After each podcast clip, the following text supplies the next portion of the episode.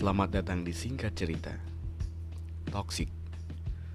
Suatu hal yang identik dengan hal menyerupai racun yang dapat berdampak kurang baik bagi kita. Seringkali terlihat begitu menyebalkan. Karena hal tersebut yang tertanam di pikiran kita menjadikan hal-hal yang menyenangkan adalah kebalikan dari toksik itu sendiri. Apakah pada kenyataannya benar begitu?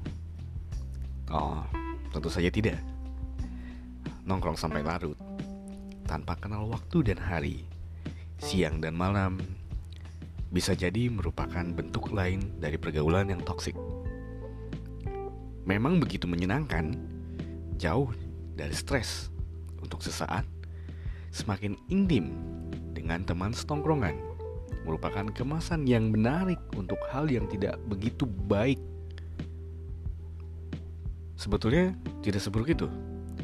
Kalau aja kita tahu kapan dan sampai mana kita bisa terlarut di sana.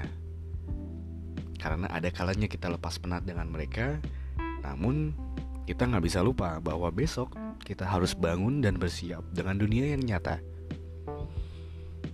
Jika kita cukup objektif untuk menilai diri sendiri, yang paling sederhana dan bisa kita rasakan dari pergaulan toksik ini adalah tidak adanya perkembangan baik dalam pola pikir, karir, pencapaian, dan begitu sulit untuk kita menerima pandangan yang berbeda dengan kita dan teman-teman tongkrongan kita yang searah dengan kita.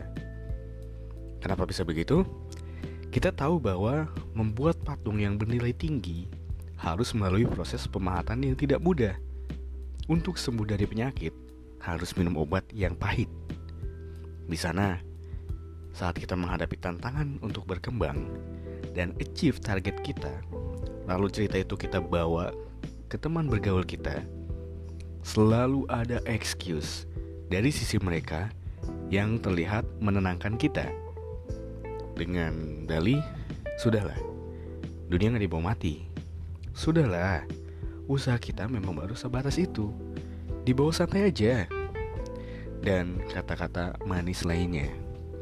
Lalu setelah itu mereka kembali aja kita bersenang-senang, minum sampai larut, dan pada saat itu lupa dengan segala hal yang harusnya menjadi batu loncatan kita untuk berkembang.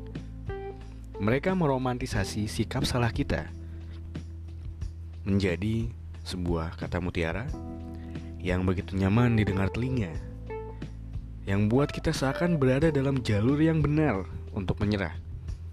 Lantas, apa sisi baik dan buruk dari toksik yang menyenangkan ini. Saat kita sudah berada di pencapaian kita, sedikit bersenang-senang dengan mereka tidak terlalu menjadi soal. Selagi kita tahu kapan harus kembali beranjak mengejar impian kita yang lain. Mereka juga dapat menjadi selingan untuk kita rehat saat kita lelah. Namun hanya secukupnya dan pastikan kita tahu sejauh apa rasa cukup itu. Jangan sampai terlalu berlarut sehingga pada akhirnya kita kembali ke jalan toksik yang menyenangkan tersebut. Dan saat ini, coba kita lihat diri kita sendiri. Buang segala ego untuk membela diri karena hanya kita ucapkan dalam hati. Apakah kita sedang ada dalam pergaulan yang toksik? Apakah teman-teman lingkungan kita bergaul membawa kita ke arah impian atau target kita atau perkembangan kita atau justru mengajak kita bersenang-senang dan membuat buyar apa yang telah kita rintis dengan susah payah? Jika ya, tanya kepada diri sendiri, mau sampai kapan kita terlarut di sana? Dan kapan kita melanjutkan langkah kita lagi. Dan sedikit berbicara kepada mereka untuk kebaikan kita, dan kelak untuk kebaikan mereka juga.